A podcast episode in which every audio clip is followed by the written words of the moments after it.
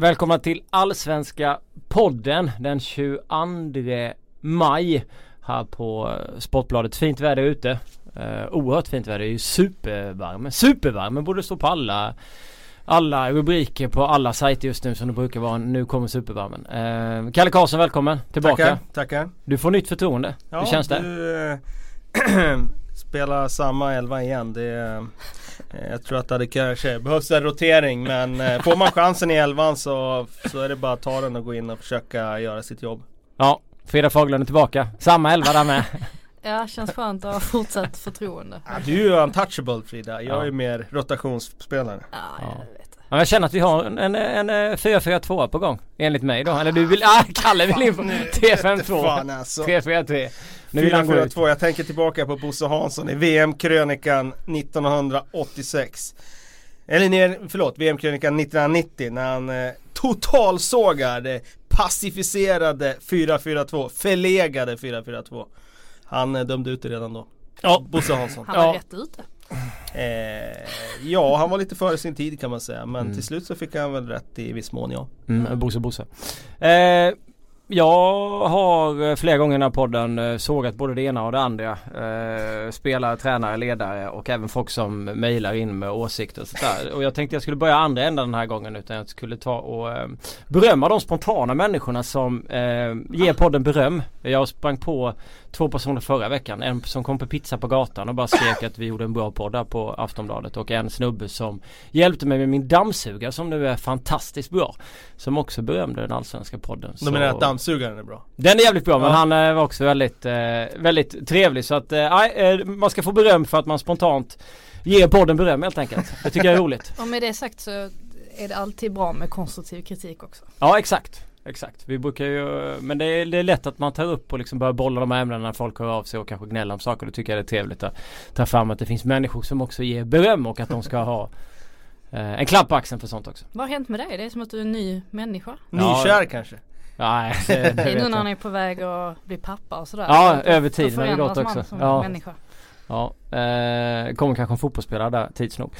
Vi hade eh, det, ja, den största, vårens största match här eh, nyligen. Det var eh, Hammarby som tog emot AIK. Det var fruktansvärt bra väder. Det var oerhört varmt att sitta och titta på denna fotbollsmatch. Och eh, för er som följer med vet att AIK vann med 1-0. Eh, det var en straff. Eh, Daniel Sundgren föll i närkamp med Jiloan Hamad. Eh, Tarik Elinoussi smackade in den. Han brände ju någon straff där tidigare under våren. Men den, den satte han. Och de som även såg matchen och har läst eh, saker efteråt vet också att AIK stängde ner Hammarby. Det var inte många hundraprocentiga målchanser för Hammarby. AIK tryckte över dem på anfallsspelet på, eller starten, uppspelsstarten på Hammarbys vänstersida med Fällman och Solhem. Och det gick ju sådär och de stängde av Junior i mitten och eh, ja, de var ju väldigt, väldigt bra i sitt spel. Och sen när de väl högg så eh, skapade de ju mer målchanser än vad Hammarby gjorde med heta målchanser. Jag tänker på när Olsson lirade Bahoui till Tarik där i första där han ska göra mål och sådär liksom. Eh,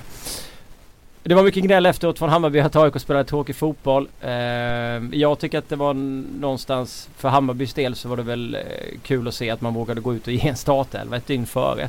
Man vågade ändå tro på sin idé och försöka även om det inte gick speciellt bra för dem att skapa så mycket målchanser. Jag tyckte också att det var imponerande att se AIK stänga ner Hammarby på det sättet som de gjorde.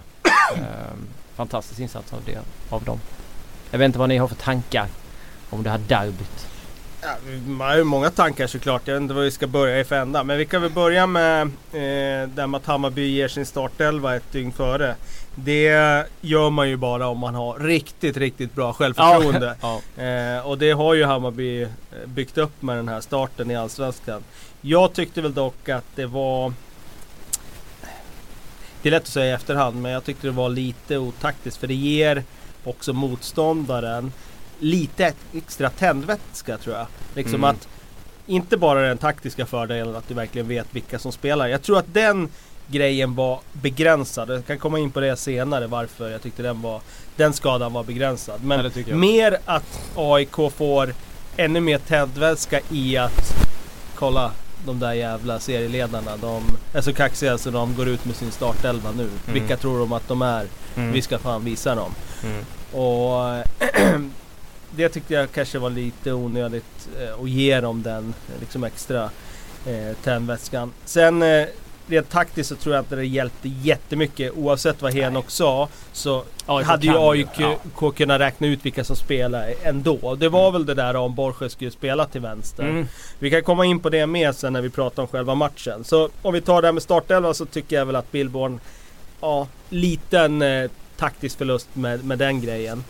Eh, sen går vi in på själva matchen så blir det ju till slut, eftersom vi alltid utgår från slutresultatet här och även hur det såg ut så var det ju en taktisk förlust även på planen. Mm. För att AIK som väntat eh, kommer dit och ställer sig väldigt lågt med sin fembackslinje, sitt 5-3-2. Mm. Och nu var det ganska uppenbart att Norling ville verkligen, verkligen inte förlora. Vad som, han hade åkt därifrån med 0-0 och ett eh, stort leende tror jag.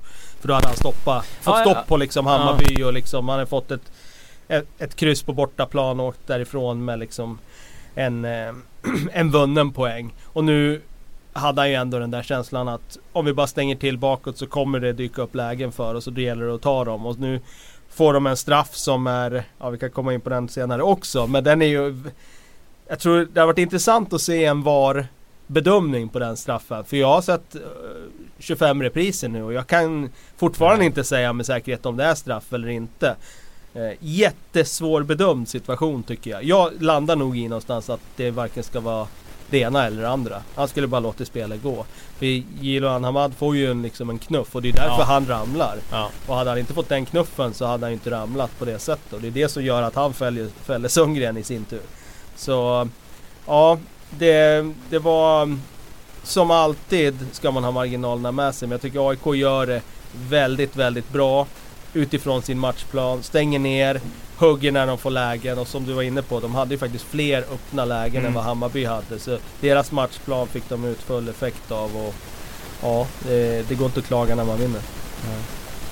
Man är väldigt imponerad över vilket tålamod AIK-spelarna har i att spela den här typen av spel. För att det kan inte vara den roligaste som fotbollsspelare att utföra på planen men de gör det med extremt stort tålamod och inväntar sin chans och så kommer den i form av en, en straffspark där på slutet och så kammar man hem alla tre poäng. Så det ska de ha en eh, stor eloge till. Sen om det är tråkig fotboll, det är ju det blir nästan en liten löjlig diskussion.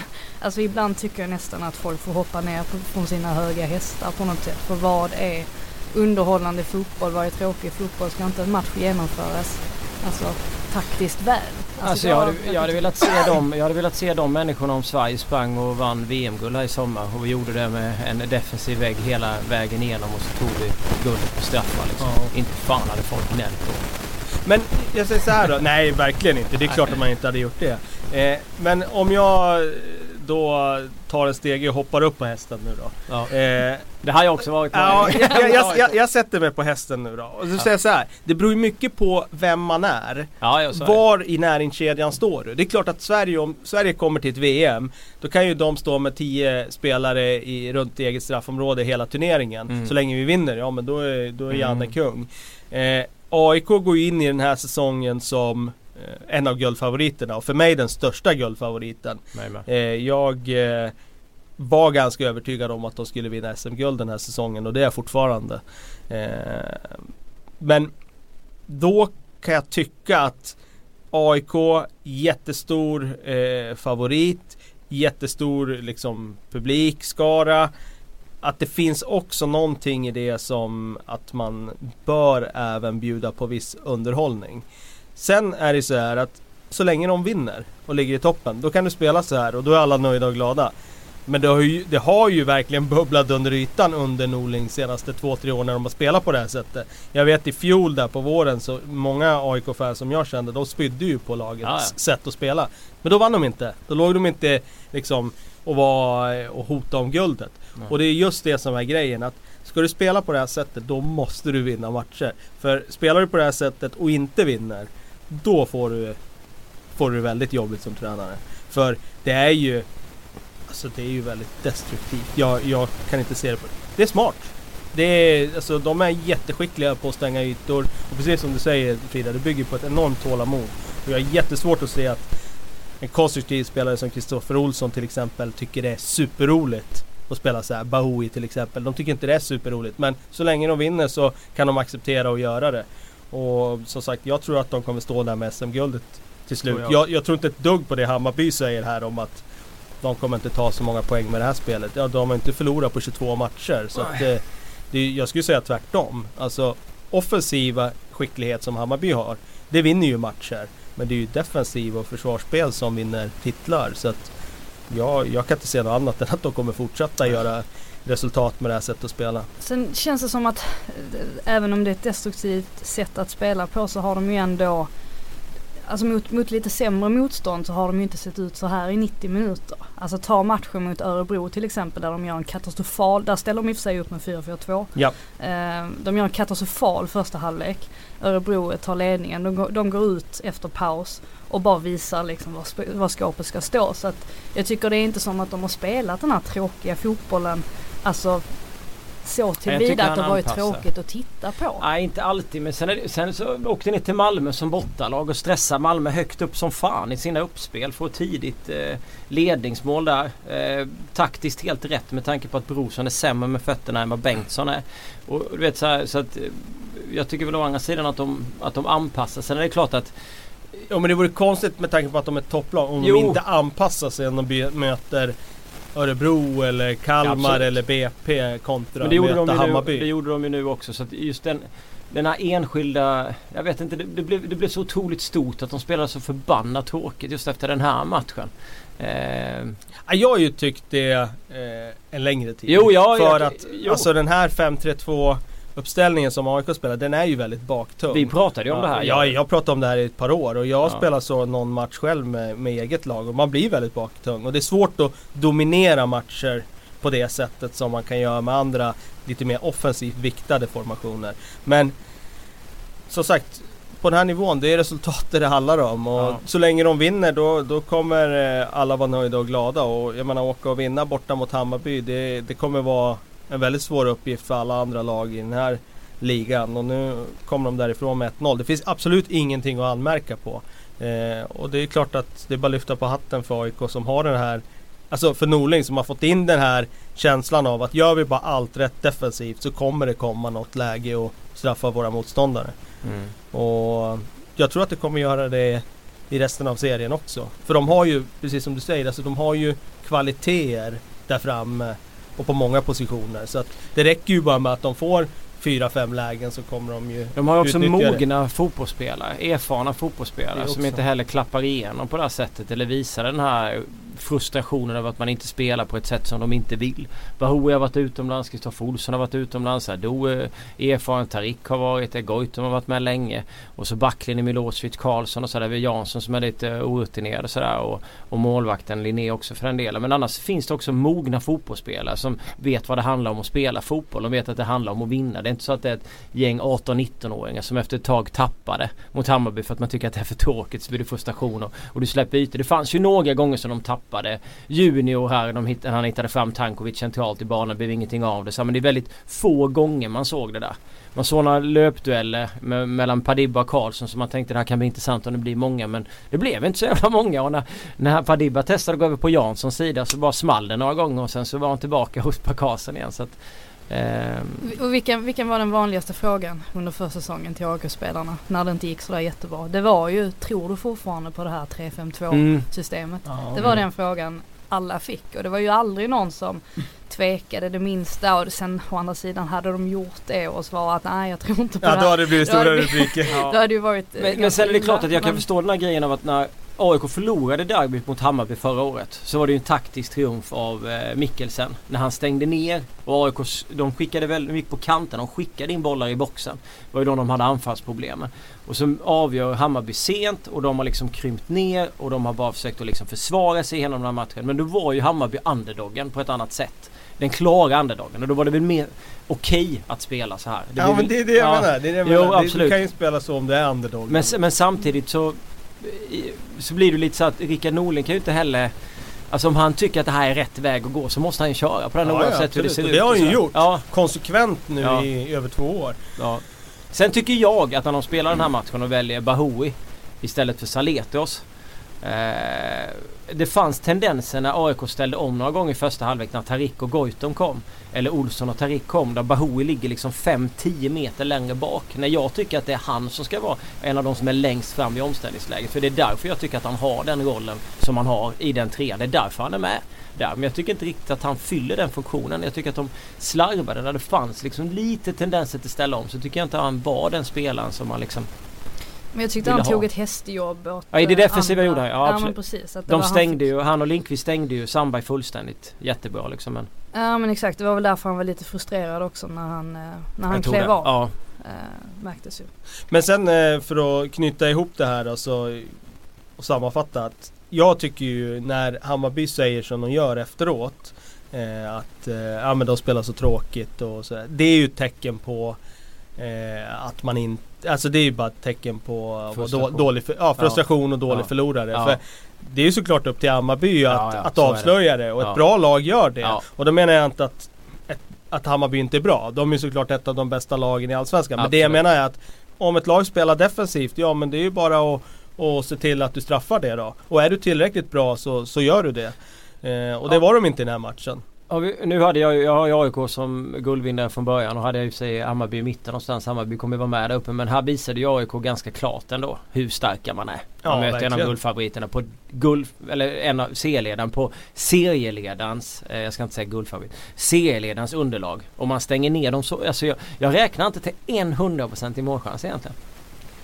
Nej, det är väl Nej, inte sen är riktigt frågan, 100%. Sen är frågan, hade, alltså, nu är det lätt att säga så här, men alltså, det du var inne på som ändå är intressant. Om de hade haft Neto Borges, Hammarby, och de hade kommit en timme innan. Frågan är om om AIK hade valt att stänga och föra över allting på vänsterkanten eller om det hade blivit jobbigare för dem då. För att nu var det ju så liksom uträknat. Solhem, Fällman, det är de som ska sköta upp spelen. Ja. Ingenting på Sandbergs sida. Nej. Eh, men man ofta så för, ja, men så här, ofta förbereder du ett lag på, på olika scenarion också. Så det är klart att AIK hade pratat om att om de spelar Borges så gör vi så här och om de spelar Solheim ja. så gör vi så här. Och det, har man bara förberett laget så kan du ju ändra på 10 sekunder. Med att bara få ut budskapet att okej okay, nu är det det här vi möter. Vi måste använda ja, plan B eller vad man nu har kallat det. Så att jag tror inte att det hade gett så stor effekt. Jag, jag hörde dem prata mycket om det där i studion med att han är högerfotad och han är vänsterfotad och sådär. Jag ska förklara varför det inte ger så stor skillnad. Och det är att när bollen kommer ut på ytterback när man möter AIK så har ju de i alla fall så mycket tid. Mm. Så det blir inte så stor skillnad om du har en vänsterfot och en högerfot där, tycker inte jag. Nej. Beroende på såklart hur bra den spelaren är. Men man har i alla fall tid att behandla bollen, driva den inåt i plan och sen använda sin starka fot. För det är ingen som störtar fram i press som mot andra formationer. Där du har ganska kort om tid där det liksom Ja, när du får den så måste du ta ett snabbt beslut. Men när Solheim får bollen så har han ju, han har ju liksom ett helt postnummerområde med yta framför sig. Mm. Så jag tycker inte det är så stor skillnad på höger och vänsterfot där. Jag tycker om att du, eh, att du ställer dig på, eller du satte dig på den hästen. För jag kommer när vi pratade om det så, vi, jag och du snackade, vi satt inne i det här rummet utan mikrofonen på. Och så pratade vi om AIK och jag tyckte att AIK spelade tråkigt. Eh, och då, sa, då, då, diskuterade jag och du den fram och tillbaka den frågan. Och då sa du att ja, det, det svåra idag är att det är så jävla mycket taktiskt. Och det är det som kan göra att det ser lite tråkigt ut. Eh, ja. Och du, du är fortfarande kvar på den men jag tyckte ändå... Ja, nej men, sen, ja, ja men, ja förlåt. Ja, ja nej, men, alltså, men därför blev jag lite förvånad nu när du valde att sätta dig på den sidan. Å andra sidan så blir det en bättre diskussion ja, i podden när du är på den sidan. Ja, man kan inte vara på samma sida. Men jag kan, jag, jag vill säga så här, jag kan både hoppa upp och ner från den där ja. hästen. För det beror lite på i vilken sätt man, jag kan ha två tankar i huvudet. Ja. Men säg så här då. Mm. jag, imponeras ju enormt mycket av AIK. Ja, och har gjort det under de här ja, två ja. åren för att de är så otroligt konsekventa mm. och att Norling har fått alla spelare att tycka att det är Ja det är så här vi ska vinna matcher mm. trots att han har så bra material. Alltså mm. det är lättare om du är Det är lättare för Pimenta att göra det här i BP Som har det kanske sämsta material i hela serien, eller i Kalmar mm. Och säga att så här ska vi spela för vi mm. har inte material från annat Ska vi vinna matcher så är det så här vi ska vinna dem Att göra det i AIK som har så bra spelarmaterial Det är, det är starkt Sen kan jag sätta mig på en annan stol eller en annan häst och säga så här, Jag är ju neutral i Allsvenskan och tittar på matcherna och tycker idag att det är mycket roligare som jag sa förra veckan än vad det var för 10-12 år sedan. Ja. Om alla lag skulle börja spela som AIK, då skulle jag förmodligen sluta titta på Allsvenskan ja. igen. För att, och det är också, det är inte för att de bara är tråkiga utan kvaliteterna finns ju inte för att öppna upp AIK i Allsvenskan. Så jag tror att skulle alla lag börja spela så här då skulle ju intresset börja dala, i alla fall hos mig igen. Mm. Tills det har gått ett par år tills lagen börjar lärt sig hur man ska öppna upp det Men här. det får vi vänta ett tag. Ja, jag tror det. Ja, för vi, man, man ser ju till exempel när, när lag som har liknande, vad, vi tar IFK Göteborg mot IFK Norrköping. Nu, spe, nu har inte de samma starka defensiv som AIK för jag tycker inte att det är någon som kan bryta ner AIK på det sättet. Men när de två möttes då var det andra bollar och lite tillfällighet som Mm. gjorde att det kom. För att IFK Göteborg hade inte liksom skickligheten att öppna upp Norrköping och Norrköping hade inte skickligheten på så, på så. Förrän i början av andra när de gör det där målet då liksom. Men förutom det så nej. Så att det är en intressant Jag inser vilken hycklare man är också. Jag som har suttit och kritiserat Manchester United hela säsongen. för att de spelar för destruktiv fotboll och är en storklubb och det är inte Ja. värdigt en storklubb.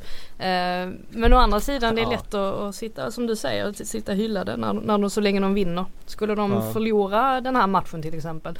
Då hade det känts som 90 bortslösade minuter. Ja, alltså varför ja, ja. inte Och det är där, ja ja exakt. Ja, och det är det, ja ja absolut. Och det är där, där Skillnaden är ju verkligen hårfin. Och hade Mourinho lett Manchester United till ligatiteln i England Då hade han inte fått någon kritik. Nej nej. Men nu kommer de tvåa och de kommer med x antal poäng bakom Manchester City och de har spelat jävligt tråkigt jämfört med City. Ja det är klart de får massa kritik. Vi pratade, jag pratade med Daniel Sundgren efteråt. Sa han att vi hade inte varit nöjda med 0-0. Men det var lite så jag kände, Ja, hade när, skulle, när skulle offensiven ha kommit? Sista tio då? Okej, okej de kröp lite längre upp i andra halvlek. Ja, det gjorde de. Jo, det gjorde de. Men det var inte så liksom om man jämför med Sirius borta. Du vet när de bara flög fram på, på liksom på kanterna i, under viss, Sen är ju Sirius borta och Hammarby borta. Men olika- sen säger man ju, man formar ju alltid sitt budskap Exakt, efter ja, och det resultatet. var- Det, ja. är klart att idag så kan man enkelt säga att det var genialiskt och vi hade Mm. inte varit nöjda med Nej, 0-0. nej. Hade de spelat 0-0, det är klart att de hade sagt det här var en perfekt taktiskt genomförd Ja. match. Vi är nöjda med 0-0 här. Vi åkte hit och stängde ner Hammarby och fick en poäng på serieledarnas bortagräs liksom. Det, ja, det, vi är nöjda med det. Så resultat kommer alltid att forma eh, liksom slutanalysen. Och allra mest kanske när man spelar eh, en taktiskt genomförd match. Mm. Ja, god diskussion. Eh, gött att du, du vänder och vrider där Kalle. Det gillar. Ja, jag hoppar upp och ner Ja från men hästen. det var fan, eh, jag, jag lyssnade på en gammal podd från, när, det var Robert Laurs sista podd.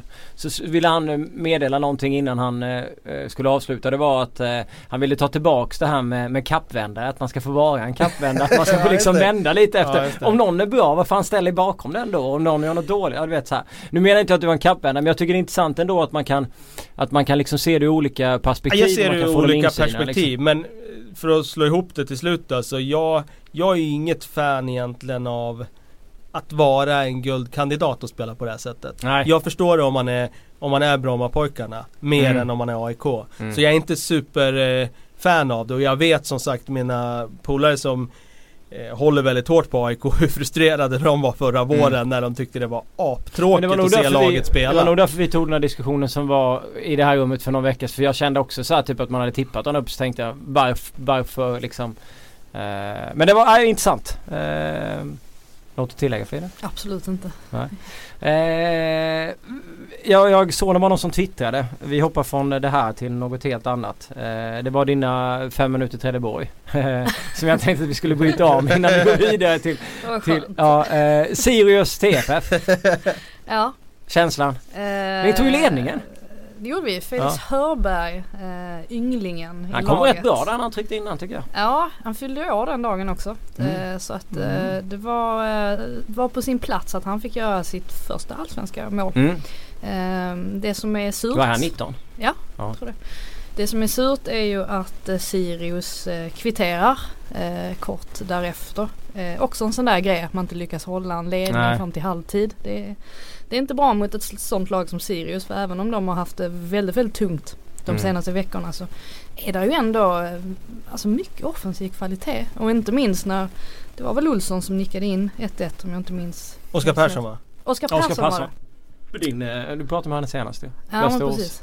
Ehm, som nickar in eh, 1-1 där. Och Det var ju skönt för Sirius att få, få den eh, för den kvitteringen innan paus och eh, sen i andra halvlek så, så blir det lite sådär att det är väldigt mycket fram och tillbaka. Eh, Freddy Brorsson har något skott i, i stolpen. Eh, Frans Brorssons brorsa Ja, ja. eh, som är anfallare och som har kommit igång nu efter sin knäskada. Det är kul att se. Ehm, och sen så har faktiskt Felix Hörberg en boll till inne till Ja. 2-1. Eh, som blåses av för offside och i min värld, alltså nu, Du nu var vinkeln, jag, jag slängde en kudde i tvn. Men nu, nu var vinkeln inte helt hundraprocentig på, de hade ju så få Inte så många kameror där. Men så säger ni och skrattar. Och framförallt när Trelleborg kommer på besök då använder de bara två av de Ja, kamerorna. det de är fruktansvärt. var- Ja men eh, jag, jag förstår inte hur det kan bli offside och jag tyckte Felix Hörberg att han eh, protesterade så vilt också så att det kändes som att det var Det var nog eh, hårfin i så fall. Okej. Eh, så det kändes som en sån där match där båda lagen egentligen hade kunnat kamma hem tre poäng och de tre poängen hade ju varit oerhört viktiga med tanke på vilka lag som man ska möta härnäst. Mm. Men eh, det blev 1-1 och jag tyckte i Sirius fall så eh, blev de som farligast när Omar Edari fick komma in. Eh, han gör ju lite oväntade grejer ändå. eh, Ja, han har lite flair. Lite Ja, men han, han så. kan ta lite avslut och lite konstiga Mm. vinklar och, och positioner och sådär. Ja. Ehm, Men, Men det han- verkade, om man tittade på jag såg inte så mycket av den för jag ja, höll på med annat. Um, och sneglade lite på, på Sundsvall och sådär. Men ehm, det känns som att det var ett enormt tryck från Sirius om man tittade på eh, så i andra halvlek om man kollade på bollinnehav, fasta situationer, hörnor och sådana Ja, I bitar. slutet där så, blev, Ja. så hade de rejält tryck. Det är just därför det känns eh, På Okej ett sätt borde man kanske vara nöjd med en poäng och när, när man är så nära ändå Ja. kan man hem alla tre. Men det, var det här ett steg framåt om man jämför med typ innan derbyt och eh, alltså efteråt? Även nu blir det ju en poäng om man, alltså, förstår du, om man tänker på hur det såg ut för TFF. Jag tycker fortfarande att eh, matchen mot MFF är den bästa de har gjort eh, i år. Eh, Mm. Men jag tror faktiskt att den stora skillnaden ligger dels i när Zoran Jovanovic eh, är så bra som Mm. han är just nu. Eh, och dessutom att man har fått in Brorsson. För han är Mm. exakt den typen av spelare man behöver. Någon som kan få bollen felvänd, vända upp och slå någon djupledspassning eller liknande. Eh, det är exakt det de har saknat i, eh, i Trelleborg. Så att Mm. jag tror att så länge han får hålla sig frisk och hel så kan det nog se ljust ut ändå. Jag tänkte faktiskt göra en, eh, en Västeråsövergång. Mhm. Från Oskar Persson till eh, Lundevall spelade Ja. väl med, med Persson där. Stämmer. Eh, Elfsborg IFK Göteborg igår 1-1. Det kändes ju nästan som att Elfsborg vann SM-guld när Frick nickade in 1-1 igår. Han sprang runt hela, alla kramades och skrek och, och Det gillar man ju. Glädje Alltså- gillar man ju. Ja glädje gillar man absolut. Eh, och det var det sista som hände i den Ja. matchen. Man kan ju också förstå varför de var så glada. Ja, alltså snacka om att den betyder mycket för dem. Jag och eh, Frida satt och smsade under matchen eh, lite där i andra halvlek och vi diskuterade huruvida och, och Thelin skulle gå om det hade blivit noll poäng här eller inte. Och, så frågan kommer är det ett mål och så Ja, förändras sen kom målet och sen liksom men vad, vad är din känsla? Ja det ser jag, det är små marginaler liksom. Nu, nu ska man kvar va, eller? Ja, ja, ja. Nej alltså, som, jag har inte ändrat på det sen förra veckan. Sån Nej. kappvändare är jag inte. Utan, eh, för i min bok så ska han få mer tid. Eh, Ja. Tills man har nått vägs ände och det tycker jag inte man har gjort eh, ännu och inte ens fram till uppehållet. Eh, men eh, jag tycker att de var positiva Mm. eh, Elfsborg. Eh, jag tycker att de Det är de som styr matchen i första halvlek. Det är de som kliver fram och faktiskt stressar Göteborg och det var ju faktiskt intressant att se att de fick lite effekt på det också faktiskt. Däremot tycker jag de är uddlösa Elfsborg. Ja, Och eh, det är klart Jebali där framme eh, är ju kanske inte riktigt någon straffområdesspelare så utan drar sig kanske lite mer ut mot kanterna och liksom Ja. vill ha bollen på fötterna och ska vara med och bygga upp det på sista tredjedelen snarare än att vara där inne. Jag tyckte de blev tunna inne i straffområdet.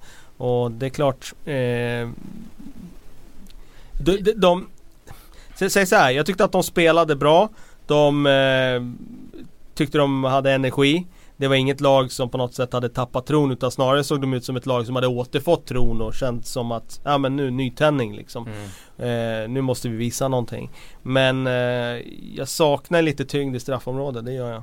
Jag tycker det var så här, det var lite mer rivigt, lite mer fart i anfallsspelet kan jag hålla med om. Även om det inte var sådär jättebra alla gånger så försökte man ändå. Fick in boll och fick lite halvchanser, hade några möjligheter. Eh, Lundevalla med någon, Ishizaki hade någon och sådär. Men jag håller med om att det blir så konstigt när de, när de har Jebali längst fram. Jag tycker väl att alltså då måste de spela med en två anfallare. Alltså då måste de ha två anfallare och då ska Podell eller, Var på plan, ja. eller, ja, Ja, eller, eller Frick, Frick spela. För att vi måste ha tyngden och Podell är en spelare som gör 10-12 mål i Allsvenskan på en säsong. Ja, Frick tror kan göra några under och båda de sitter på bänken och han kastar in dem då när han söker, söker mål och eh, vill man liksom få lite enkla mål och lite skitgrejer då tycker jag att man ska använda den typen av anfallare som är duktiga Ja. i boxen. Jag känner inte att, jag håller med dig där, jag känner inte att Jebali riktigt har det. där. De blir, de kan spela hyfsad anfallsfotboll men de har liksom inte tyngden överhuvudtaget. Och är det något lag som behöver enkla mål så Ja, är det ett lag det. som ligger där Ja. Elfsborg ligger. Ja. Eh, så ja, det skulle förvåna mig mycket om inte en Frick är på plan redan Mm. i nästa match. Mm. Eh, Sen vill man väl se mer av Lundevall. det vill man göra. Ja. Eh, när jag såg han tidigare så var jag, tyckte han såg väldigt vass ut. Men eh, jag är lite eh, sådär, sett ett frågetecken till hans form just nu. Ja, själv, det känns som att det är en självförtroende grej verkligen. Man ser Ja. på honom i ansiktsuttryck när han gör saker som brukar liksom flyta eh, automatiskt.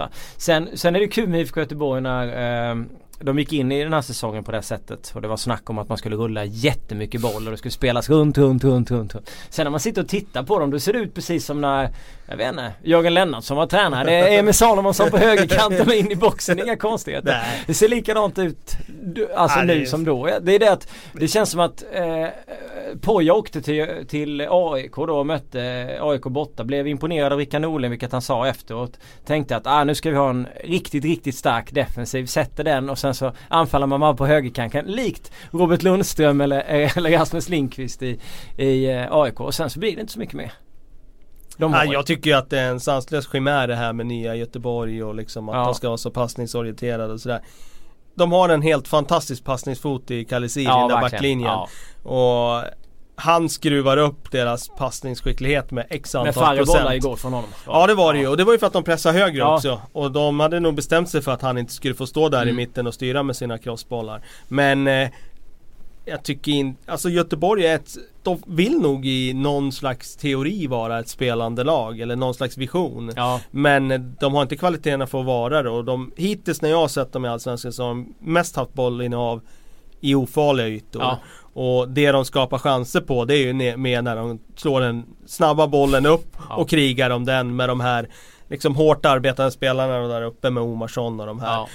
Ja. Jag, menar, jag, ty- jag tycker första målet mot Malmö till exempel, det är för mig Göteborg just nu. Det är en Ja, lång boll, det är ett misstag där, de hugger och så pang 1-0 och sen rider de på det efter det och så ligger de lågt med sin fembackslinje 5-4-1, 10 man på rätt sida om boll Lågt nere på egen plan halva Och sen kontrar de. Och det tror jag faktiskt är sättet för dem att vinna matcher. Jag tror, Klassmål av eh, Joggen i sig. Ja, absolut. Men eh, frågan är, har de kvaliteterna för att vara ett lag som ska styra matcherna i Allsvenskan? Jag säger nej. Så att jag tror att de, de är någonstans på rätt Mm. spår med det här materialet. Ändå. Det är så här de ska vinna. Ja. Oavsett vad så har ju Poja verkligen, alltså säga vad man vill men han har verkligen lyckats sälja in den här idén till Mm. supportrarna. Det, det var man ju lite osäker på i början. Det är ändå Mm. Göte, IFK Göteborg, den här storklubben eh, som ska spela på ett visst sätt eller det förväntas lätt det.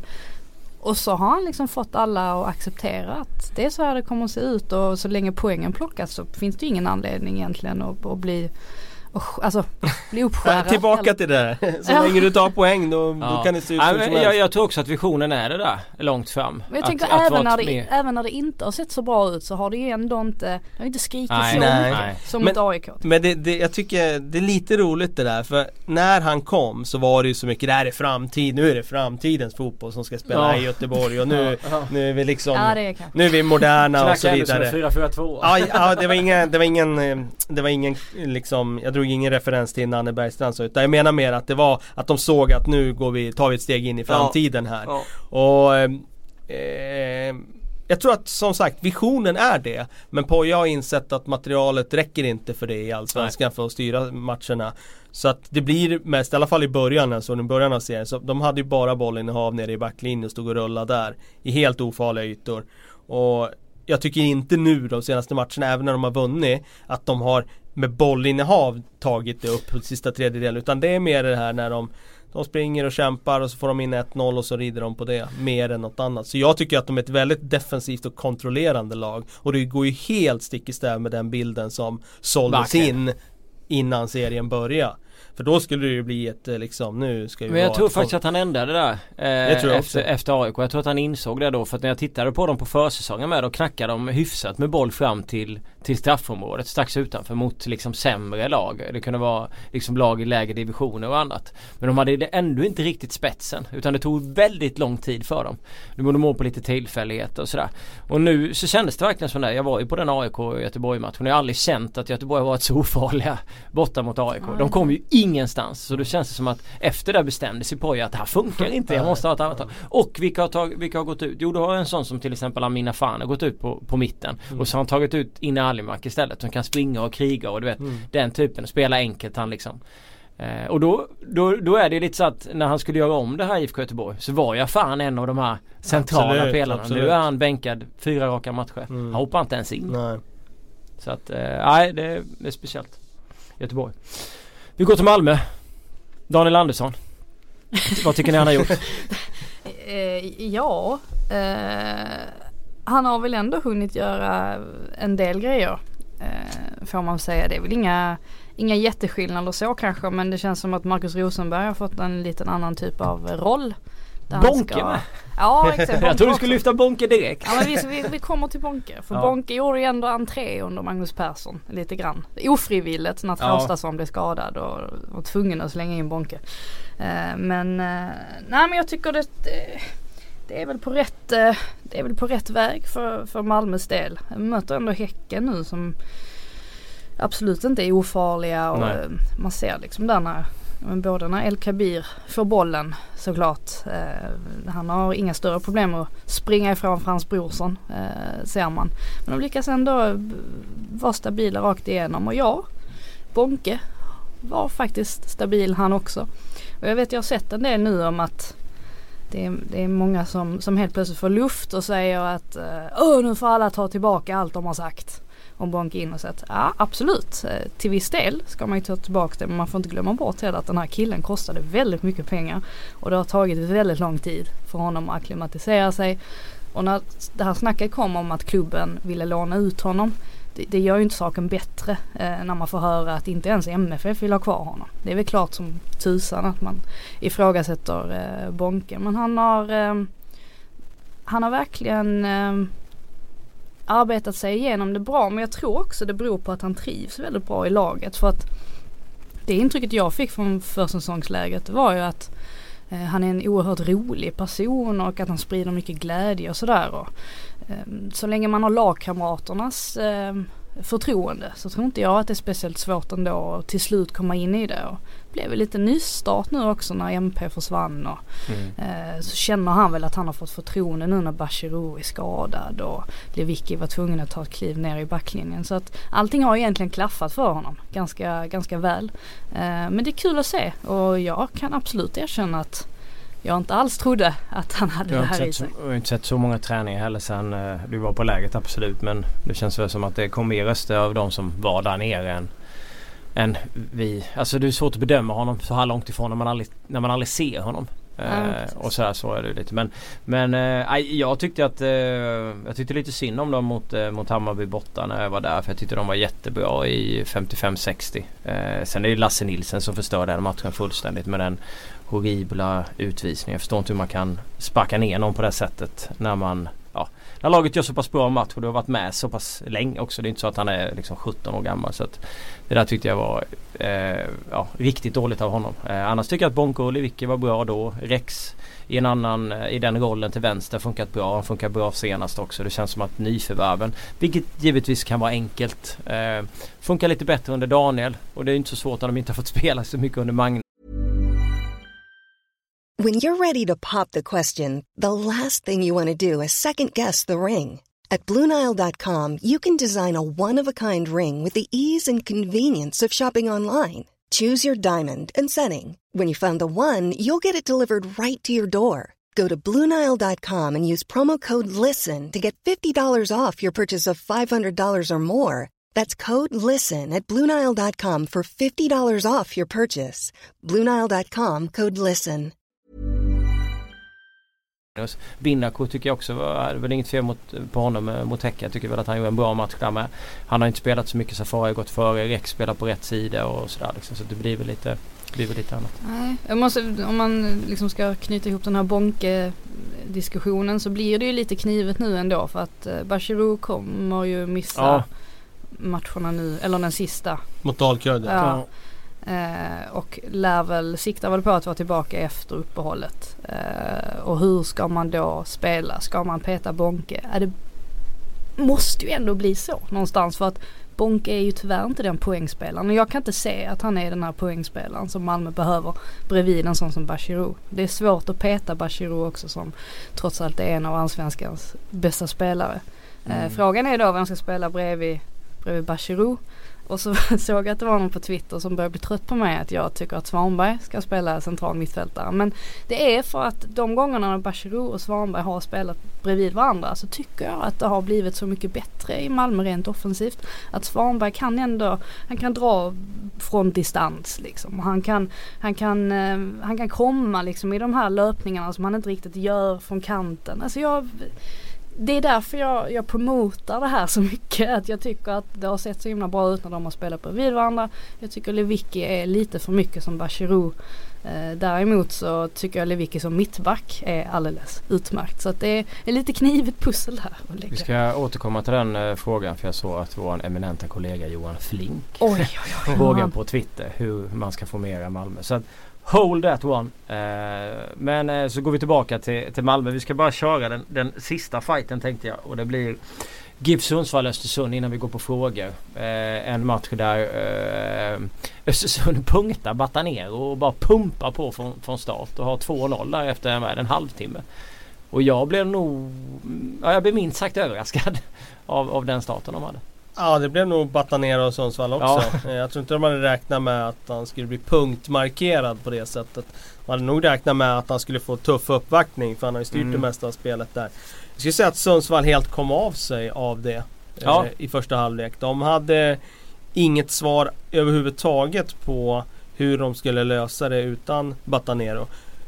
Nu satte de ju Mensa på honom och han hade nog följt med honom till toaletten också om han hade gått dit. Mm. Men det som var att Sundsvall hade kunnat utnyttja det tycker jag genom att eh, Cedergren hade nog kunnat gett Patanero mer order om att han hade kunnat dra iväg Mensa till eh, ovidkommande ytor på planen. Så hade de kunnat utnyttja att, att ja. Östersund faktiskt blev öppna av det. Men det gjorde de inte. Och när han bara stod kvar där i mitten och, och, och då, då hade de faktiskt ingenting att komma med.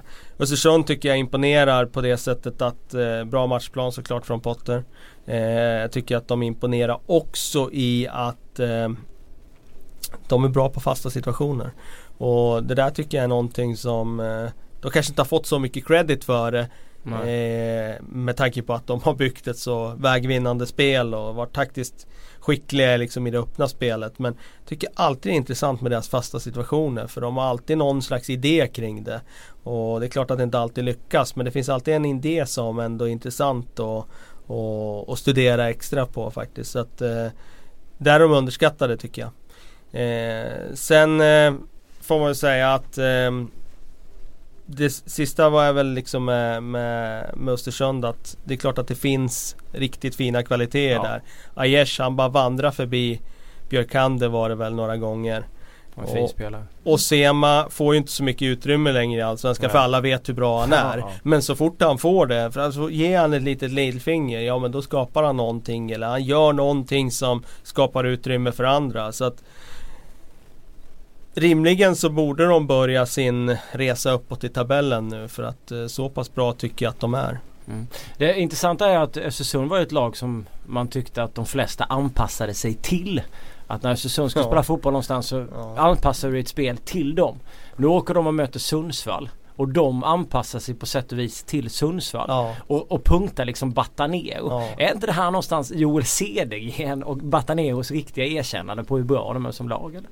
Ja det är det ju på sätt och vis. Det, det får man ju säga. Det, det, visar ju hur långt Sundsvall har kommit. Att Östersund verkligen anpassar sig efter dem. Dock skulle vi säga att Östersund nu har ju anpassat sig ganska Jo efter flera lag. Jag menar de mötte AIK här och spelade de med sexbackslinje. Mm. Eh, och de eh, ligger väl också på ett ställe i Ja. tabellen Mm. där de behöver fundera över att okej vi kanske inte bara kan vara Östersund som vi var tidigare med Mm. att styra allt och göra det efter vår egen pipa hela tiden. Eh, men ja det är klart att det är ett erkännande för Sundsvall. Eh, det är ingen tvekan om det. Men deras, eh, Öster, det är rätt intressant det där för Östersunds självförtroende rubbades ju lite grann först i och med förlusten mot Malmö. Där Malmö anpassade sig efter Mm, Östersund det. väldigt mycket Ja, i det. kuppen. Ja. Eh, och sen så den här jättesmällen då. Ja först var det Djurgården som anpassade sig efter Östersund. Ja. Det gick inte bra det heller. Det. Och sen så den här jättesmällen mot Dalkurd som också Ja, anpassade sig väldigt mycket utifrån hur de spelade. Man ser där, hade, hade Östersund legat eh, tvåa i tabellen och åkt till Sundsvall och anpassat sig efter Sundsvall så tror jag att det hade snackats väldigt mycket om att oh vad, vad märkligt liksom. varför, varför åker de dit och anpassar sig? Man ser hur snabbt det kan Ja det det kan skifta.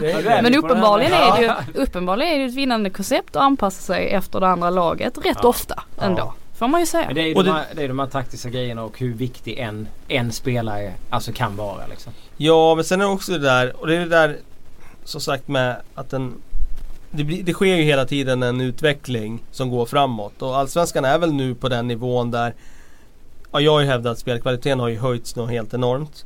Men nu har också den defensiva medvetenheten och liksom det här med att ställa ut en matchplan utifrån motståndare och sådär Den har nått en punkt nu där den individuella kvaliteten räcker inte riktigt till för att öppna upp ett lågt försvar eller ett lag som gör som AIK gjorde mot Hammarby eller som Östersund gjorde mot Sundsvall och så vidare. Ger det två år, ger det tre år så tror jag att eh, den individuella kvaliteten, då har liksom fotbollen snurrat några varv till. Då har vi kommit till en, en punkt där då kommer det inte räcka att göra som AIK gjorde nu mot Hammarby och då kommer det inte räcka att, att punkta batanera mot Sundsvall utan Nej. då har det liksom de har flyttat fram det igen men jag tror tyvärr att det kommer ta ett par år. Spännande. Det blir knivigt nu också för Östersund i, i sommar. Så se vad som händer i laget. Papagiannopoulos verkar ju väldigt nära FCK Just det. eh, till exempel. Eh, och Det visst man har ju Mensiro där bak som eh, brukar vikariera som, som mittback. Och Noah Sonko Sundberg också i, i truppen. Men det är ändå ett jättetapp. Ja det Han är en av allsvenskans bästa, Ja.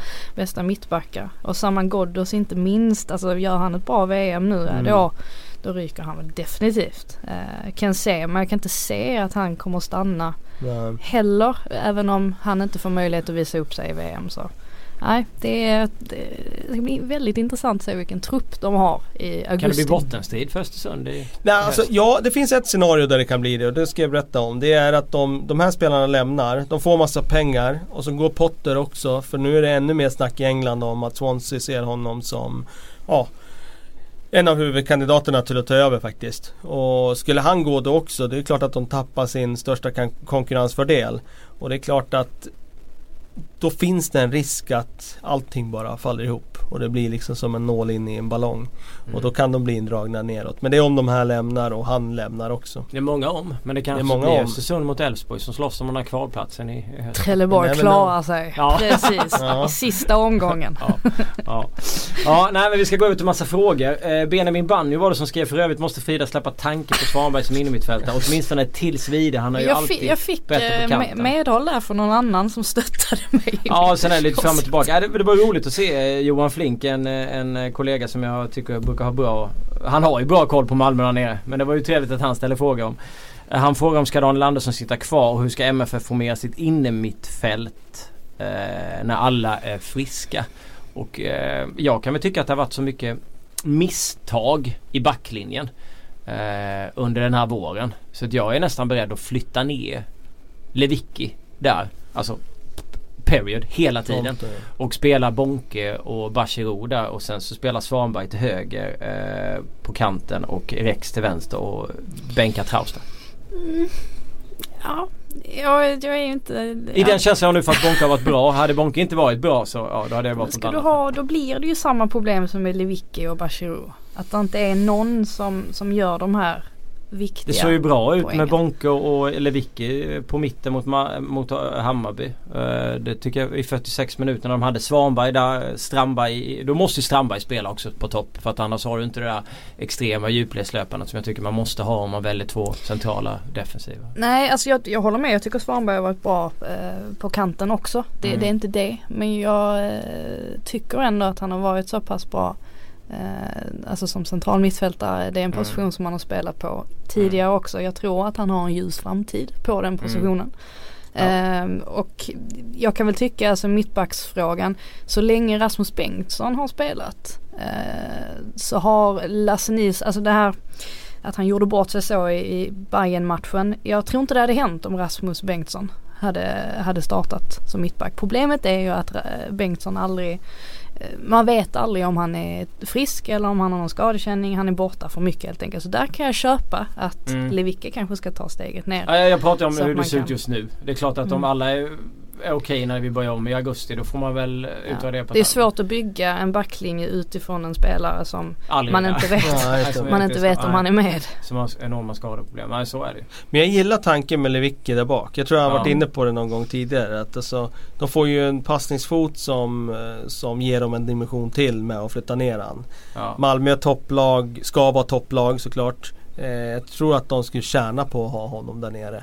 Eh, jag, jag gillar det jag ser från honom när han är där nere. Mm. Mm. Eh, Jag tycker också han kommer med till sin, till sin rätt där. Ja. Och han är förvånansvärt bra eh, i luftrummet ändå trots att han är så kort. Ja, det mm, tycker jag ja, är mm. fruktansvärt imponerande Och sen ändå. på mitten har vi fått skit för att hans passningsfot inte funkar. Men i backlinjen så tycker jag att Ja, där får man ju mer tid Ja, där och så får man mer tid så där funkar det ju. Jag Så- tycker att han ger en dimension då som de inte har annars. Och sen eh, där på mitten. jag tror det blir få gånger som alla kommer vara tillgängliga i höst. Ja. För det brukar lösa sig av sig själv. Men eh, Bachirou tror jag blir svår att, att plocka bort. Så han, Han eh, ja. ja, så han kommer ha en av de två platserna. Och sen är frågan vem som ska vara där bredvid. Man vet ju inte vad som händer med Adrian. Han kanske exploderar här ja. den här säsongen. Man utgår ju var, från var Bachirou också på- väldigt bra mot, mot Häcken. Verkligen. Bachirou är den första personen man sätter på mittfältet utan tvekan. Ja det ska jag nog säga. Sen är ju frågan, alltså jag tycker att Rex har eh, varit bra här nu på, på slutet. Sen är ju Traustason en fantastiskt bra fotbollsspelare. Men jag tycker att båda de borde, alltså de skulle kunna dela på vänsterkanten. För jag tycker ändå om, alltså Svanberg är en, en bättre högerytter än nästan båda dem. Jag tycker att han funkar bättre på den. Jag tycker Rex, han har varit rätt dålig som högerytter. Så att om, om Rex ska spela, sätter han till vänster eller bänkar honom. Mm. Sen får vi nog ha i åtanke att eh, troligtvis kommer in någon spelare också. Ja, Det Eh, kommer det, säkert ja. in en ytter av riktigt Ja, god kvalitet här i Precis. sommar. Eh, det kan ju faktiskt bli så att Durmas känner för att Kommer Jimmy hem. Dees så ska han ju spela med Bachirou på mitten. Centralt. Jag vill ha han till höger. Ja, jag vill också ha han till höger. Ja, fan han är alltså central mittfältare. Tycker ni inte han ska vara? Nej, jag, jag, vill, jag tänkte ju säga att sätt honom på höger, sätt Svanberg i mitten. Då finns det ingen, Ja, det, som, då finns, in ja, det finns ingen som kan uh, ifrågasätta att han spelar där. Mm. Sen har Traustason, alltså han kan ju ha också möjlighet att spela central mittfältare. Men är han frisk och hel så vill man nästan ha honom till vänster Mm. ändå. Ska vi köra på Daniel Andersson som manager, tränare och sportchef hela hösten? Men man Jag tycker det är för tidigt alltså att säga. Eh, Men det känns ändå som en, en, en bra jag tanke. tror, det, jag tror det kommer bli så. Ja, Jag tror det kommer bli så. och jag tror inte att de förlorar på det. Alltså nu när de ska gå in i, när det blir Europaspel och sådär. Ja, alltså eh, Andersson har ju ändå, han har ju ändå varit med i kulisserna de senaste Mm. åren. Han vet mycket väl vad som, vad som krävs i sådana lägen. Där tror jag att det är ganska otacksamt också att ta in en annan tränare. Vem vill egentligen få sätta sig i den positionen att ha hela Malmö FF vilandes på sina axlar på något sätt och så ska man Misslyckas försöka sparken direkt. Ja, alltså det är ett ganska, ganska tufft jobb. Jag kan inte riktigt se att det är någon som skulle kunna jag, jag kan inte, ta jag sig an den hitta, jag kan möjligheten. inte alltså. hitta en tränare heller så Så där just därför så tycker jag väl, herregud, ge Man ska inte flyga över Allan. Korn och så gör spelarna som de vill och så står han bredvid sidan och pekar lite. det skulle vara någon sån som, som säger till Rosenberg, sköt du, sköt du det här så kan du liksom säga åt de andra Ja. Eh, vi går vidare. Lars Lindberg, kommentator på Simor. Eh, ja, den, ja. Hur allvarligt är Sirius läge? Har Östersund vaknat på allvar efter seger mot Giffarna? Två frågor igen. Ja, Jag tror att Östersund har vaknat. Eh, vi var inne på det lite grann. Ja. Eh, jag tror att Sirius allvar, eh, läge är allvarligt. Tyvärr för dem, som vi har varit inne på tidigare. När man kommer in i en sån där säsong och det mesta liksom går emot när det handlar om, oavsett vad det handlar om, målvakter som diskvalificerar sig själva eller matcher där man spelar bra och inte får ut så mycket av det. Så jag tycker att de gjorde till exempel mot AIK hemma. Eh, jag tycker de har haft oflytt med det mesta och jag tror att de får en jobbig säsong. Sen finns det ju några plankor i form av ett BP som hittills har tagit 9 poäng och det gör de tack vare att de inte kryssar matcher utan de vinner de matcherna som andra lag kryssar. Eh, men eh, de slog Kalmar. Vill du säga något om den? Du satt och tittade på den. Ja, jag satt och kollade på den. Kanske inte var så många... Kalmar som fan senast. Ja, så... de var väldigt bleka i den här matchen ja. tycker jag. Väldigt, väldigt bleka. Nu, eh, vår vän Fröling var ju bänkad nu. Han fick ju en smäll i förra matchen, klev av där. Så han höll väl inte riktigt för start nu då. Mm. Men eh, jag tyckte Kalmar var riktigt, riktigt svaga i den här matchen jämfört med vad de har varit tidigare. Sen får man ju citera Henrik Hamrén på att eh, mål förändrar matcher. BP får ju en väldigt billig straff. Eh, jag tycker inte att det var straff. Eh, och eh, från att de gör det 1-0 målet, ja då kan de ju spela på ett annat sätt. Liksom en annan trygghet in.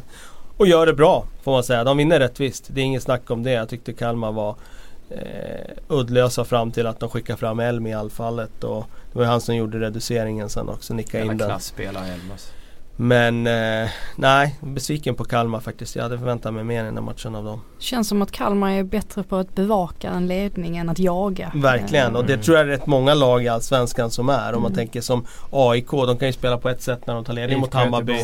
Hur hade AIK spelat om Hammarby ja. hade fått första målet? IFK Göteborg. Mm. Men jag tror bara så här att man får konstatera att eh, Amrén har en viktig poäng i det där han säger. Alltså att leda en match, det är det är extremt viktigt att göra första målet i en fotbollsmatch. Det finns ju någon sån här statistisk eh, uppgift på exakt hur många liksom, procent man vinner om man gör första målet och det, det brukar vara så. Det lät roligt när han sa det däremot. Eh, Kalle fick lufta lite Sirius sen avbröt jag. Han, han började prata om BP, det ber jag om ursäkt för. Men du får svara på den här frågan Frida. Fredrik Halleström, nu räknar han ju med att Sirius åker ur så han svarar, frågar helt enkelt, går Sirius upp direkt nästa säsong? Ja, då har ju alla de här skadade spelarna fått vila Tillbaka. säsongen, så att, varför inte? Nej nu fick de ju Tim Björkström som också gick ut i 51 minuten. Liksom. Det är ju det är total det, det måste vara så fruktansvärt jobbigt också mm. att behöva ändra om i positioner och spelare måste spela på positioner där de inte är vana vid att spela. Alltså det är inte konstigt att de ligger där de ligger. Det gick ju förra året när man, när man flög fram och man hade det här självförtroendet. Men när det börjar som det gör då är det, då är det väldigt väldigt svårt. Ja, um. Det är ju tufft också nu i och med att de håller på att bygga en ny arena. Um, kommunen satsar där liksom. Båda Uppsala-lagen ja. under strecket nu.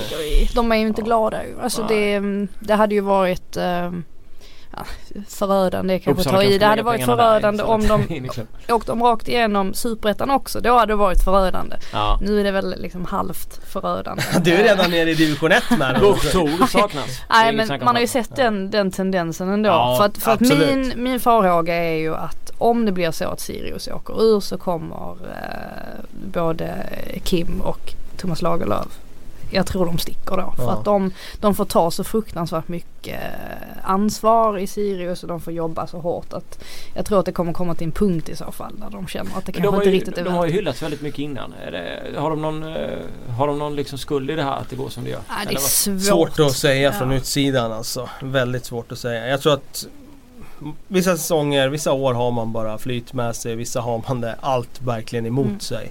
Eh, det är sånt där man har känt själv vissa år när man har spelat att det vill inte studsa vår väg i år. Liksom. Och jag tycker de har haft sanslös otur i år. Sen är det såklart att har man så mycket skador som de har, det finns ju någon sanning om att det inte bara är otur utan då har man gjort något fel också. Mm. Så det, jag vet inte om de har gjort det i det här fallet men, men de har extremt mycket skador nu och det, vad det beror på det det vet jag inte riktigt. Precis. Sen så har det snackats om att ja, men gud, Sirius har alltid skador och att Sirius har en tendens av att ta in skadebenägna spelare för att man får dem mycket enklare. Men tidigare har det ju varit en annan typ av skador. Alltså det var som Thomas Lagerlöf sa på någon presskonferens. Ja vi hade ett år där vi hade fem spelare med fem handfrakturer. Ja, det. Och det är ju det är på något sätt lättare att hantera. Men när det börjar bli så här med ljumskar och knän. Ja eh, baksidor. Alltså det är då det blir jobbigt. För att de, de skadorna kan ju lätt hålla en borta alltså hur länge som helst. Som Jesper Arvidsson till exempel som nu har missat eh, otaliga matcher nästan. Det är, ju, det är ju speciellt också om man tittar på hur vissa lag har börjat säsongen så ställer man då Sirius med alla de här skadeproblemen och inte alls ett sånt liksom välkänt välkänt lag om man tittar på truppen. Och så ställer du Elfsborg bredvid som har haft sitt mittfält och har rätt kända spelare om man säger namn för namn. Gojani landslagsman, Holmén har vi där, Jebali är där, Prodell är där. Jag har varit utomlands och sen Daniel Gustafsson och Lundevall och, och det, är, det är mycket så här liksom. Så ibland undrar man ju vad det beror på. Om en tränare liksom inte får igenom sin idé, om spelarna underpresterar, är det liksom fel metoder? Alltså, ja. Det kan ju vara så många olika faktorer. ja. Det- Thelin åkte ut med sitt Jönköping, kommer upp och vinner ja, några matcher men inte så många. Så här, vad, ja. Det, det, kan, det kan ha mycket, mycket sådana saker. Men Johannes Rosvall en, en, två frågor. Det handlar om Örebro det här. Eh, har Kennedy en poäng borde domarna granskas oftare och snabbare i Allsvenskan som till exempel Premier League. Och straffas inte ÖSK lite väl hårt? Degraderingen är i Superettan då för de här pengagrejerna för många år sedan. Eh, vad hände med Sundsvall Helsingborg tidigare? Kennedy förra året, fem matcher. Fyra var det väl kanske? Eller var det fem? Jo, Nu fem. Kennedy och Mårtensson. Svårt att se att det skulle hända i, i större klubbar. Ja, jag hade ju enormt stor sympati med Örebro den gången när de blev Ja, tvångsnedflyttade. herregud. Jag tyckte det var ett justitiemord och jag Ja. tycker att eh, det var ganska uppenbart då att de ville göra ett exempel med en klubb från en mindre stad där fansen inte är lika hårdnackade och det kommer inte Göteborg bli... kunde väl åkt innan va? Ja, jag tror att det fanns Ja, eh, flera ja. exempel på klubbar som hade kunnat åka. De hade aldrig gjort det med något av de där stora lagen. Det är jag rätt övertygad om. Eh, så ja, de blev orättvist behandlade då. Eh, när det gäller Kennedys avstängning i fjol så var det väl, eh, jag minns inte exakt den incidenten och så. Armbåge. Lite- Ja precis. armbåge, men det var- Nej, precis. Men det var att det tog, precis, att det tog tid att eh, avstängningen blev, eh, blev verkställd. Jag tyckte de blev eh, orättvist behandlade i den här matchen nu då mot, eh, mot eh, vilka Hammarby. var det? Hammarby. Mot Hammarby ja, just det. Eh, det var ingen tvekan om det. Sen, sen om det är det här Lilleklubbs mental, eh, liksom anledningen eller vad det beror på det vet jag inte. Men jag, jag tycker Örebro har generellt blivit lite eh, orättvist behandlade. Mm. Alltså jag tycker Johan, Johan Mårtensson fallet är... Eh, alltså jag har inga, proble- jag ser inga problem i att han blir utvisad i matchen. Eh, för det han säger. Men att bli avstängd sen ytterligare matcher. Det, det tycker jag är jäkligt hårt. Jag hade förstått om han hade skrikit någonting i domaren som var på något sätt något rasistiskt tillmäle eller eh, ja, någonting annat i, i den stilen. Men nu uttrycker han sin frustration över att de har förlorat. Jag kan inte hjälpa att jag tycker att det inte Nej, är så farligt. Eh, sopa och vad var det med att han... eh, Ja det är inte snyggt och jag säger inte att man ska sitta och uppmuntra Nej, men det är att inte spelare ska få säga sånt. tre Att matcher. tre matcher Nej. var hårt. Sen, är det, sen blir det också konstigt att när, när de går av och domaren står och de säger från början som Hakim och de gör att han har knuffat en domare. Och sen visar det sig att han har haft en handpåläggning på en Ja, domare. ja. Det är väl inte okej men han har inte knuffat honom. Nej. Och då, har, då, då står de och säger saker som inte stämmer. Sen ger de han en extra straff sen också. Då blir det så här, alltså två Ja. fel ger ju inte ett rätt. Liksom, och så, här. så jag tycker att den domarbedömningen just den matchen och de, de följderna kring Mårtensson tycker jag är under all kritik. Jag fattar inte. Ja men det är det jag menar. Jag tycker att de har blivit orättvist Ja. behandlade nu. Både, eh, både när det gäller utvisningen på Kennedy men även på det efterspelet där. Och eh, som sagt eh, det hade räckt med att han hade fått det där röda kortet en match. Ja okej, vi, vi nöjer oss där. Eh, jag tycker det är dålig bollkänsla faktiskt. Ja. Och visst vi ska inte uppmuntra den typen av domarangrepp. Nej. Men eh, Nej det är absolut inte men. som jag uppfattar det och har läst mig till vad som egentligen hände så hade det räckt med en Mm. match. Gustav Nordlöf säger är det möjligt att inte Ja, just det, vi svarade aldrig på Kennedy-frågan där om Nej, var, det. var där. Alltså jag är nog ut, gärna utan VAR i Allsvenskan. Däremot just i den här Kennedy-situationen så hade ju det räddat ett rött kort i den situationen. Det vet vi, det kan vi slå Ja. fast. Mm. Men eh, jag, jag tycker inte att man ska göra ett impulsbeslut och införa VAR. Och, Kan man inte ha så här i efterhand att han får spela match? Vi säger att han åker ut men så tar man bort det röda kortet. Ja, att man har en Sån- så- sak- panel efteråt ja. ja jag för det jag förstår inte det. matchen i sig Nej. men jag tycker man, det borde väl domarna kunna liksom göra för då blir det Mm. mer Jag tror att folk skulle förlåta det på ett annat Ja, sätt. det skulle liksom. de ju göra. Man gör ett misstag men okej fine. Ja, Ja, man blir ja inte straffad. jag, jag håller med dig. Det ska jag köpa.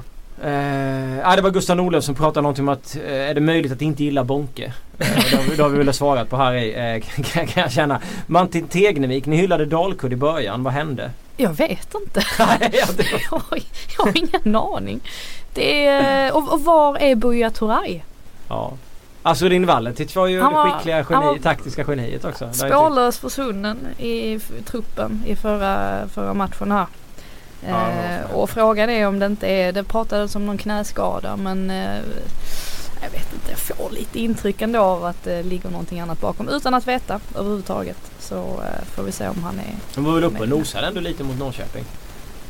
Även Ja, de det Ledde ju med 1-0. Jag har inte sett någonting av den matchen ännu. Nej. Så jag kan inte säga någonting om den. Men eh, jag har ju konstaterat att jag trodde ju att Dalkurd skulle vara betydligt bättre än vad de har varit. Jag.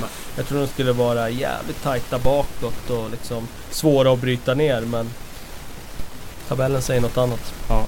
Sista frågan. Ett ämne som jag själv tänkte om igår. Det är flera stycken som har eh, mejlat om det och eh, jag vet inte vem det var jag diskuterade med angående det här. Men det är i alla fall IFK Norrköping. Eh, Martin Edström skriver varför pratas det så lite om IFK Norrköping?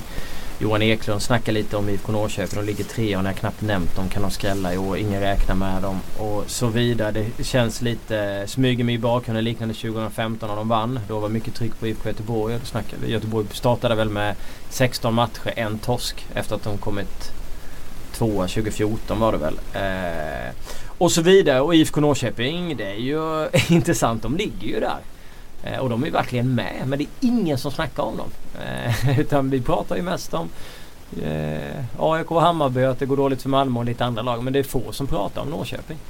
Det borde Ja. passa dem alldeles utmärkt. Jag ska bara tillägga innan jag går in på Norrköping ska Jaha. jag tillägga att Buya Turay ser ut att vara tillbaka mot Elfsborg. Så Okej. att jag inte, kanske jag som målar upp värsta, värsta grejen här. Vi lägger det på fyra. Eh, ja men absolut, eh, skicka till mig bara. Ehm, I Norrköpings fall så tror jag nästan att det kan vara lite fördel att man går under radarn. Ehm, att, ja, inte, det. att inte snacka så mycket. Då Mm. kan man komma smygande för nu är de ju med Ja, där ja. uppe. Och de har ju inget dåligt lag. Deras offensiv är ju jätteintressant Mm. ju. Absolut. De Ehm, har ju framåt sett har de ju bra, bra pjäser. Inget snack om saken.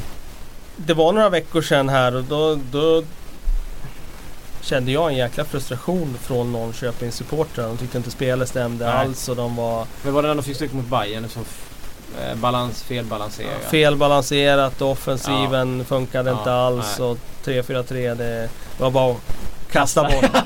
Men eh, känns som tongångarna är lite annorlunda Ja. nu. Eh, och det som sagt det svänger fort. Jag har inte sett den här senaste matchen. Jag har faktiskt inte sett Norrköping så mycket. Såg dem ju mot eh, IFK Göteborg där när jag Mm. skrev om dem då. Ja, Men det är egentligen det enda jag har sett.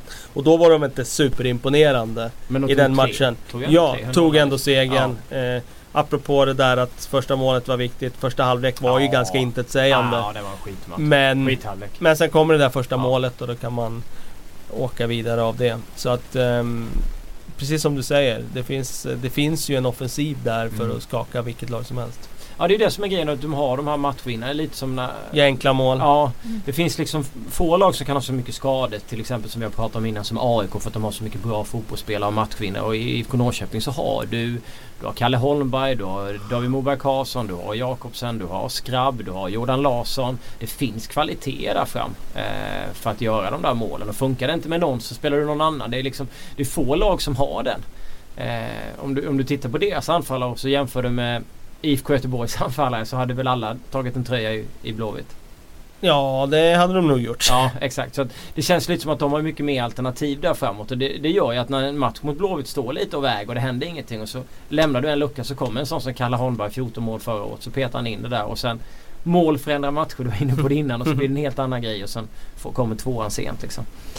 Eh, ja absolut, de är ju jätteintressanta. eh, Mm. Utan tvekan. Möter ju GIF Sundsvall här imorgon och Ja. sen avslutar med AIK på, på lördag. Ah, den är intressant. GIF Sundsvall imorgon. Mm. Ska Vi ska ju på AIK på lördag ju.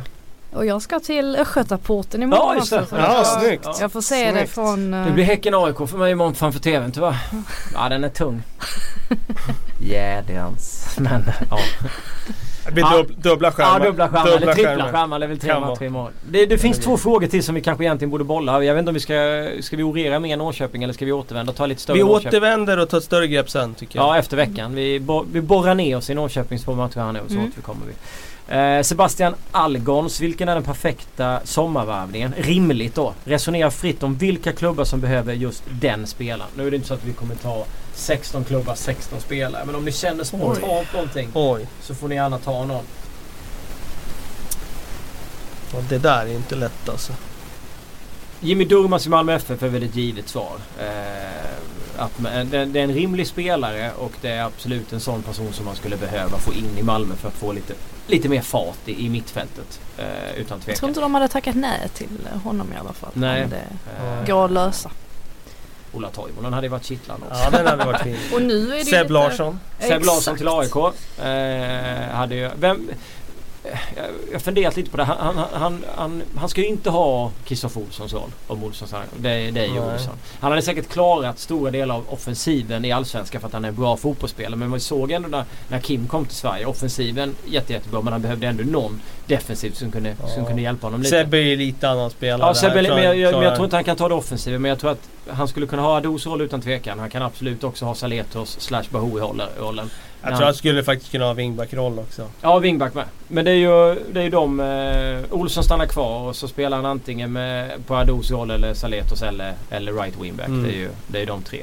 Sen läste jag om Kristoffer Nordfeldt. Jag kan säga i den här podden att han kommer inte spela i AIK. Det är inte på gång att han ska gå dit. Så det, det, de uppgifterna dödar jag fullständigt. Okej, kommer han vara kvar i Swansea och slå inlägg Han har ju... eh, Fabianski? eh, Ja, alltså det är lite sådär... Ja, men alltså... Han har inte stått en enda ligamatch nu Nej, han har stått cupmatcherna. Ja, och det är han har stått i cupen. Ja, det är och det är i och för sig bra. Det Jag är menar, mer man ju tidigare. Men som jag fattar det så är det väl inte helt klart om Fabianski ska vara kvar eller inte. Så att han hoppas det kanske där. Eller så flyttar han någonstans i, i Europa. Men han kommer inte hamna i, hamna i AIK. Har vi någon annan eh, pjäs? Man hade ju önskat Pontus Wernbloom i eh, IFK Göteborg. Ja, det hade varit kittlande. Ja men Det han, men han har ju stängt den dörren. Ja det verkar som att det dröjer ett tag. Men Mm. annars är det ju det här just med, prata om det med Andreas Isaksson också, det här med spelare som vänder hem. Hur viktigt det är ändå att de fortsätter göra det. Att det Ja, fortfarande är attraktivt verkligen. för spelare att komma hem. Att de inte Verkligen. ser sig för som stora. Nej, Eh, som, alltså, det finns ju ingen möjlighet i världen att Zlatan Ibrahimovic hade vänt hem exempelvis. Han är för stor. Gishe Molin som är Kujovic tänker jag på. Kujovic har han gjort två matcher i Fortuna Düsseldorf. Han kommer inte spela i, i Bundesliga nästa säsong. Ehm, Molins han har gjort ett par matcher i Panathinaikos och sådär. Ehm, är inte det två spelare som... ja, absolut. Det känns ju som... Sen om det... Det, det skulle ju höja tempen såklart här hemma om man fick hem sådana spelare. Ja. Sen har vi liksom, vi har ju Ola Toivonen också som inte får Ja. spela i, i Ja. Toulouse. Men där hänger det nog väldigt mycket på hur det går i sommar i, i Ålmark VM. Malmö FF känns det som. Eh, ja, när det kommer till allsvenska klubbar de så har är ju det tre så. rätt eh, shit. Men det är klart att ja, när Rosenberg häng, vinkar hej då så är det perfekt för Toivonen. Men Mm. eh, ja, sen Molins. Inte, skrevs det inte om Djurgården och Molins? Jag tycker väl att Jo, det, det Kujovic och lite Molin grann. känns närmare. Men, eller Kujovic och Djurgården känns Ja, närmare okej, än, ja. För mig. Jag tror Ja. att han skulle passa in Det hade han gjort. Han sätt hade passat riktigt Ja. bra där. Ja, jag tror verkligen. Ruskigt bra där. Mm. Eh, Jag får se. Som det, det var länge sedan tyckte jag ett sånt här fönster kändes så här pass spännande ändå. Det känns som att det Mm. kan hända en del. Alltså både spelare som kommer dra, spelare som kommer in. Jag märker att jag inte är så insatt i Allsvenskan Silly. Jag måste läsa Silly-bloggen som, Mm. som öppnar här nästa vecka. Ja, och Ja, sen nästa eh. IFK Göteborg behöver ju en mittfältare som är eh, lite mer offensivt lagd för att kunna bryta och göra lite av det där som kanske Poja ville när han skulle komma kan jag väl tycka. Som det man trodde kanske Mm. att Afane skulle göra men som han inte riktigt har klarat av. Vem skulle det vara då? Ja, det Av jag de inte. utflugna Jag i hittar Europa? ingen. Jag hittar ingen. Det, nej, det känns som ett rätt svårt och liksom, det är många krav som det ska levas upp till och Ja. prislappen ska vara rätt och Ja. det ska, stjärnorna jättesvårt. ska vara i, i, liksom i, stå rätt om också. Det är mycket som ska klaffa. Absolut. Det var en jättelång podd och var jättetrevligt att ha er här. Eh, tack och bock. Vi är tillbaka när Allsvenskan eh, tar uppehåll. Jag vet inte om jag är här men då får ni fixa den här podden själva utan mig. Då har jag gått på ledighet. Tack snälla för att ni har lyssnat. Ha det gött. Hej! Ha det bra.